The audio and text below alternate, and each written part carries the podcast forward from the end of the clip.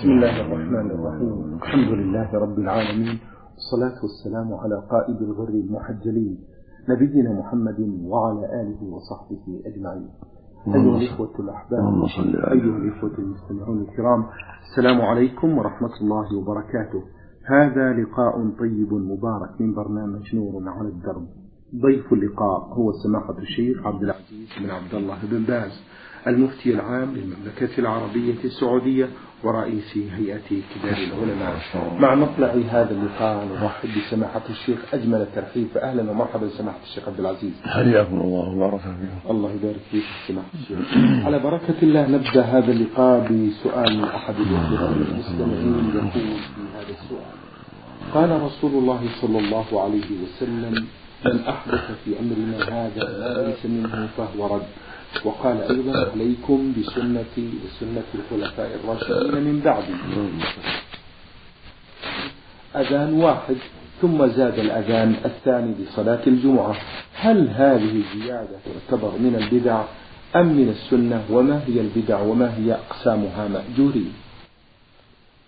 بسم الله الرحمن الرحيم. الحمد لله وصلى الله وسلم على رسول الله وعلى آله وأصحابه من اهتدى بهداه. أما بعد فهذه الأحاديث التي ذكرها السائل أحاديث صحيحة. يقول النبي صلى الله عليه وسلم من أحدث في أمرنا هذا ما ليس منه فهو رد. متفق على صحته من حديث عائشة رضي الله عنها. وفي لفظ يقول صلى الله عليه وسلم من عمل عملا ليس عليه أمرنا فهو رد. أخرجه مسلم في صحيحه. ويقول صلى الله عليه وسلم إياكم ومحدثات الأمور فإن كل محدثة بدعة وكل بدعة ضلالة. والبدعة هي التي يحدثها الناس في الإسلام في الطاعات والقربات. يقال لها بدعة ما أحدثه الناس. في التعبد يقال له بدعة. مثل بدعة الاحتفال بالمولد مثل بدعة البناء على القبور اتخاذ المساجد على القبور والقباب وما أشبه ذلك مما يحدثه الناس. ومعنى الرد يعني مردود. لكن ما فعله عثمان من الأذان الثاني في خلافته ليس من البدع لأن الرسول صلى الله عليه وسلم قال عليكم بسنتي وسنة الخلفاء الراشدين المهديين من بعدي وهو من الخلفاء الراشدين.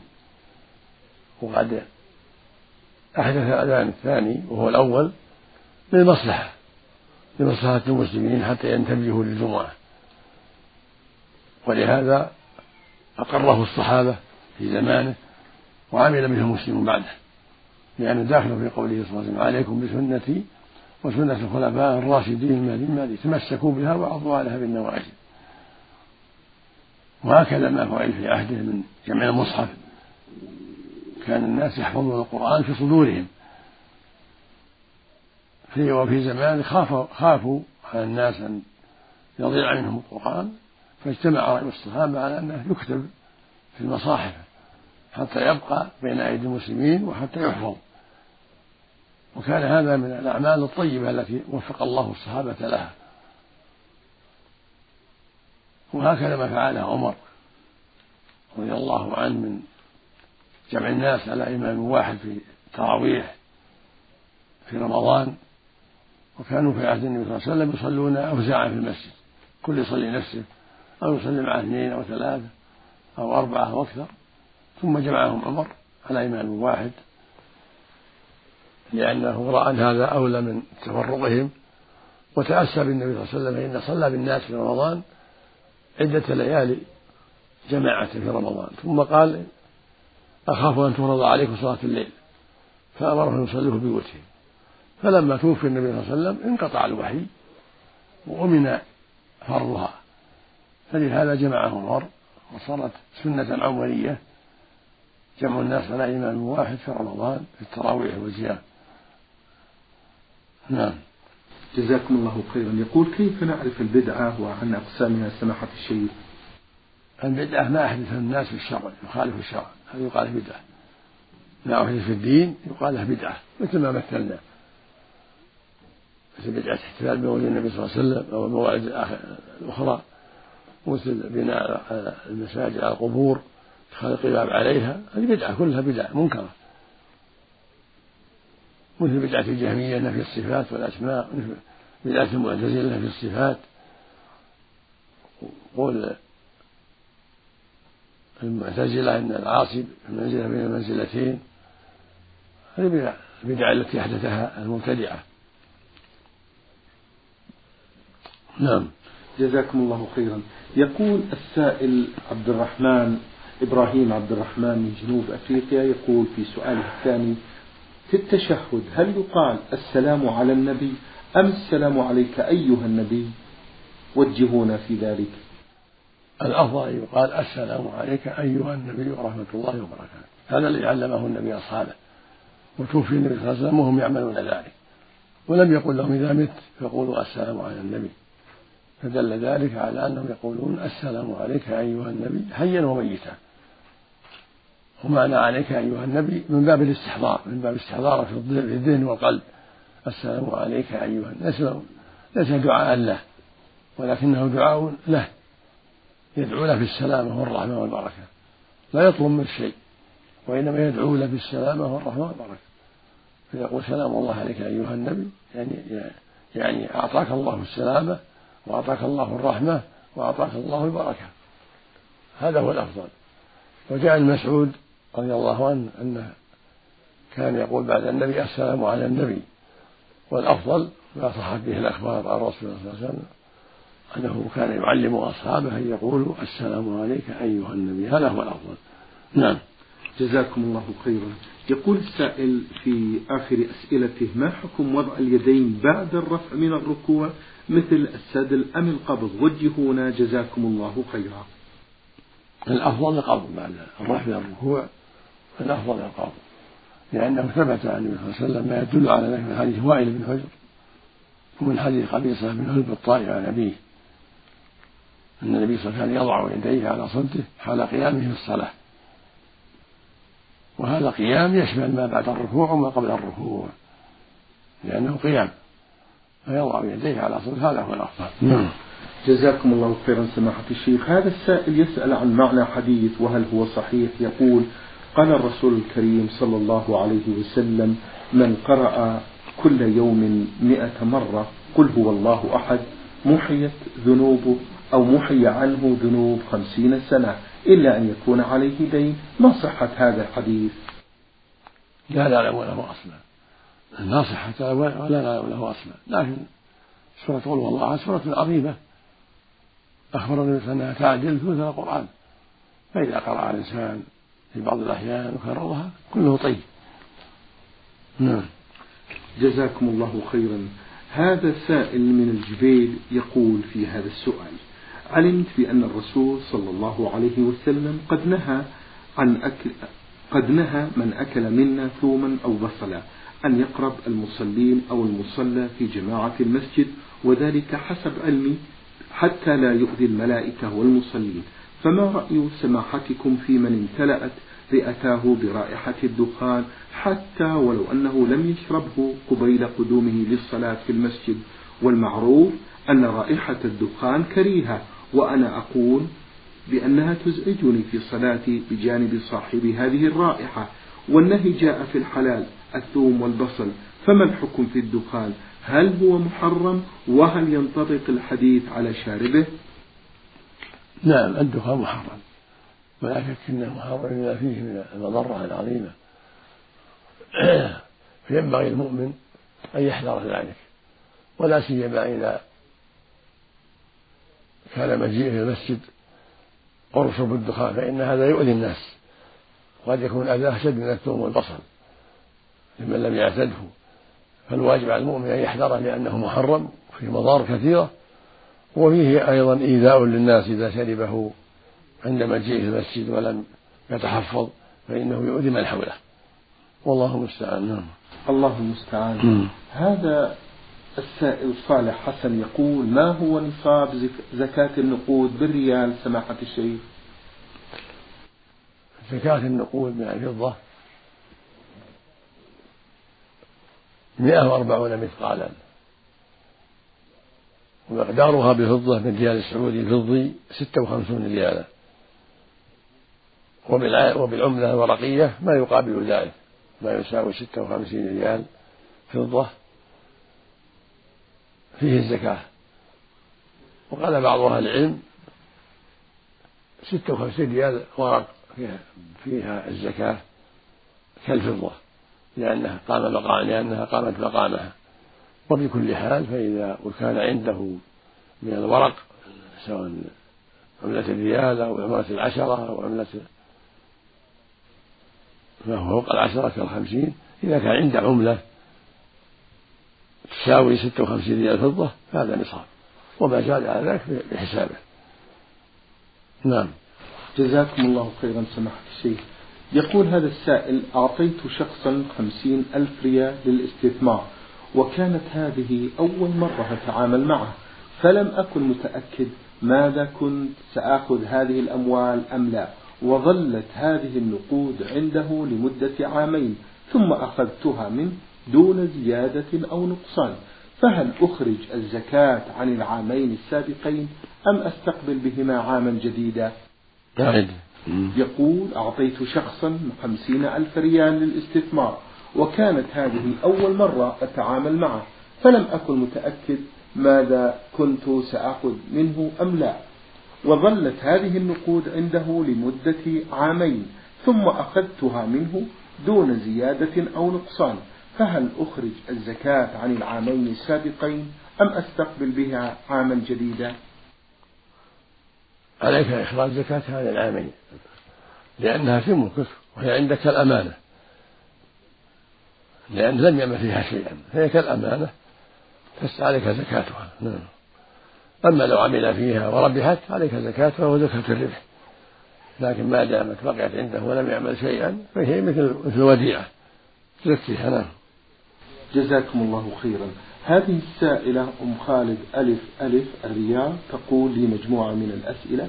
تقول بأنني ألبس العدسات الملونة في المنزل رغبة من زوجي للتجمل له فما حكم لبس العدسات؟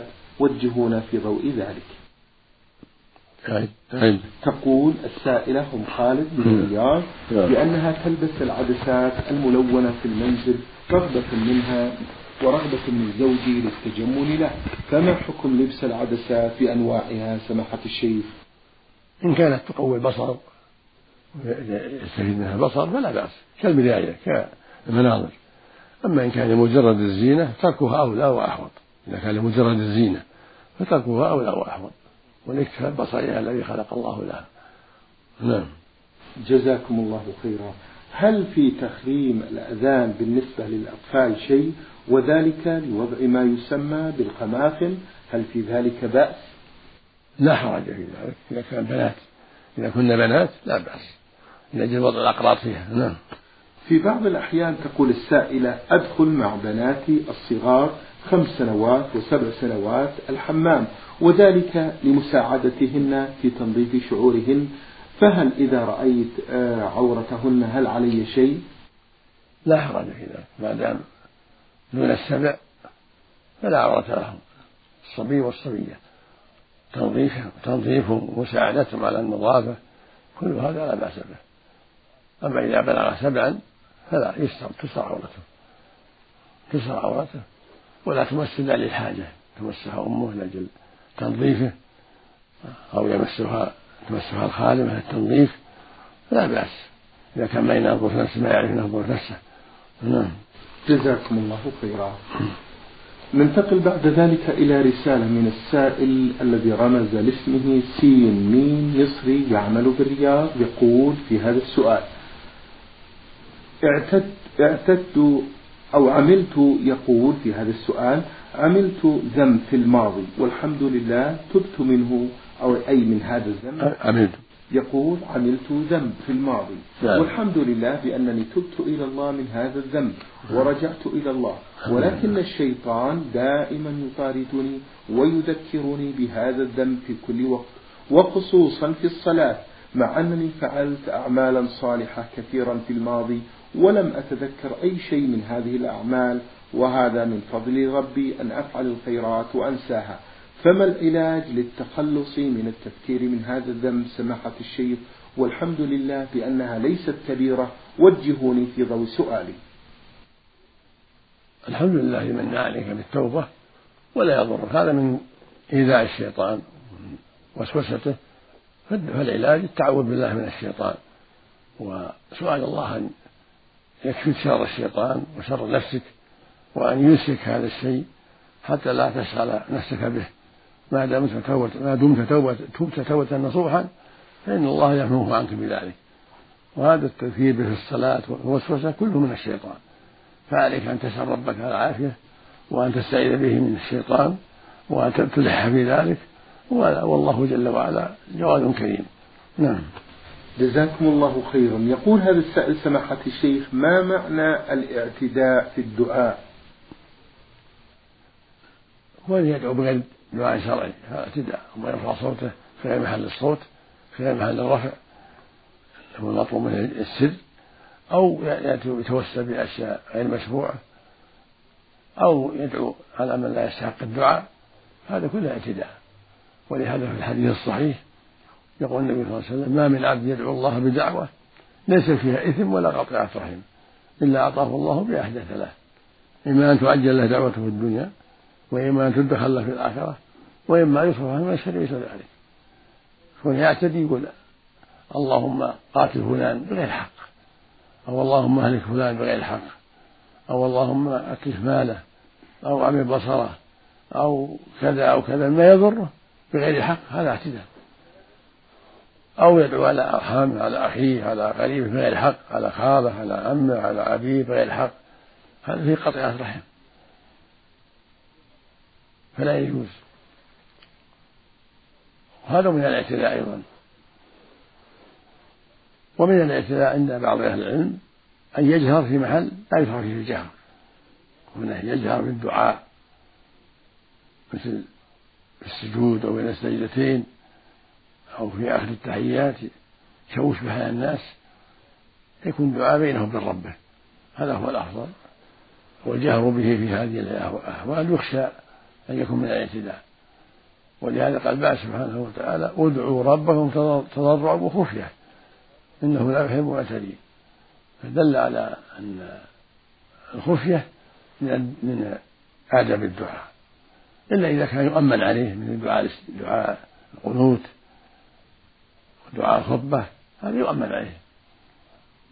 يرفع صوته حتى يسمع الناس. أما دعاء بينه وبين ربه فالأسف السنة أن يخافت في السجود في آخر الصلاة في غير ذلك. السنة المخافته ولهذا قال جل وعلا أدعوه ادعوا ربكم تضرعوا خفية إنه لا يحب المعتدين. فالمقصود أن السنة المؤمن أن يتحرى خفض الصوت بالدعاء إذا كان لا يؤمن عليه في سجوده أو في التحيات أو في أي وقت. يتحرى أن يكون سرا بينه وبين ربه. نعم. جزاكم الله خيرا وأحسن إليكم سماحة الشيخ.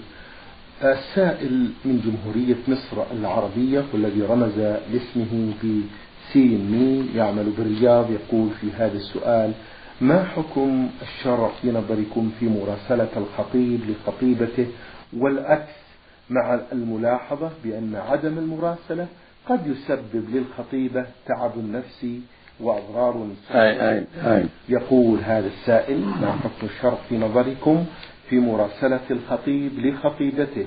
والعكس مع ملاحظة ذلك بأن عدم المراسلة قد يسبب للخطيبة تعب نفسي وأضرار صحية ودراسية. وجهونا في ضوء هذا السؤال. لا لا بأس في ذلك أن يخاطبها وتخاطبه بالتليفون أو بالمكاتبة لتأكيد الخطبة أو للسؤال عن بعض المهمات التي ليس فيها وسيلة إلى الاجتماع المحرم قبل الزواج. إنما سؤال عن كذا أو تسأله أو يسألها عن أمور تعلق بالزواج وبمصلحة الزواج ولا يخشى منها فتنة. فلا حرج في ذلك من طريق الكتابة أو من طريق المهاتفة. التلفون جزاكم الله خيرا سماحة الشيخ. السائل يقول اعتاد البعض من النسوة أثناء التعزية في الأموات وخاصة قبل دفن الجثمان أن يرددن قول لا إله إلا الله بصوت عالي أي امرأة تقول والباقي يرددن وراءها وصوت هذه المرأة مسموع عند الرجال ويرددن هذا ويقولن بأن هذا أفضل من اللطم أو العويل ويهدي من حالة أهل الميت فما صحة ذلك؟ يقول السائل اعتاد البعض من النسوة أثناء التعزية في الأموات وخاصة قبل دفن الجثمان أن يرددن قول لا إله إلا الله بصوت عال أي امرأة تقول والباقي يرددن وراءها. وصوت هذه المرأة مسموع عند الرجال. ويرين بأن هذا أفضل من اللطم أو العويل ويهدي من حالة أهل الميت فما صحة ذلك؟ بعد نعم يقول نعم. هذا السائل نعم. اعتاد البعض من النسوة أثناء التعزية في الأموات وخاصة قبل دفن الجثمان يرددن قول لا إله إلا الله بصوت عالي أي امرأة تقول والباقي يرددن وراءها. وصوت هذه المرأة مسموع عند الرجال ويرين هذا بأنه أفضل من اللطم أو العويل ويهدي من حالة أهل الميت. فما صحة ذلك؟ الظاهر أن هذا بدعة حتى لو ما سمعها الرجال. كون يرددن لا إله إلا الله نسوة هذا عند التعزية هذا لا أصل له. التعزية أحسن الله عزاءكم جبر مصيبتكم غفر لميتكم ونحو هذا الكلام أما يرددن لا إله إلا الله أو سبحان الله بصوت جماعي هذا بدعة. سواء سمع رجال ولا ما سمع رجال لا ينبغي هذا لأحد. بل السنة أن يقال لهم اتقوا الله آه، لا, لا تجزعوا الحمد لله سنة الله في عباده كل بيموت. يعني تحدثنا معهن بالوصية والنصيحة. هذه هذه هي التحديث بالوعد بالخير والتحذير من الشر. أما يأتينا بلا إله إلا الله بصوت جماعي أو بأشبه ذلك هذا من البدع لأن البدعة هي ما أحدثه الناس خلاف الشرع. كما قال صلى الله عليه وسلم من عمل عملا ليس عليه أمرنا فهو رد. من أحدث في أمرنا هذا ما ليس هو رد. وهذا ليس من أمر النبي صلى الله عليه وسلم وليس من عمل الصحابة بل هذا من البدعة نعم. جزاكم الله خيرا. سماحة الشيخ ما حكم السفر للتعزية؟ لا بأس به. سافر يعزي أخاه وأباه لا بأس. الحمد لله. نعم. بالنسبة للتليفون سماحة الشيخ عبد العزيز هل يكفي في التعزية؟ يكفي. طيب. يكفي. لكن إذا سافر إليهم أو زارهم في البيت كان أكمل أكمل يعني في الجبر والتعزية. نعم. جزاكم الله خيرا. هذا السائل يسأل ويقول ما حكم الشرع في القبور؟ التي تعلو سطح الأرض كالقبور التي تتكون من دورين وهذا يكون بسبب ضيق المساحة المخصصة للقبور. سماحة الشيخ. طيب. يقول ما حكم الشرع في القبور التي تعلو سطح الأرض كالقبور التي تتكون من دورين؟ وهذا يكون بسبب ضيق المساحة المخصصة للقبور. الواجب أن تكون القبور في داخل الأرض. يحفر يحفر بقدر نصف قامة ويدفن. هذا إذا استطاع إذا تيسر ذلك.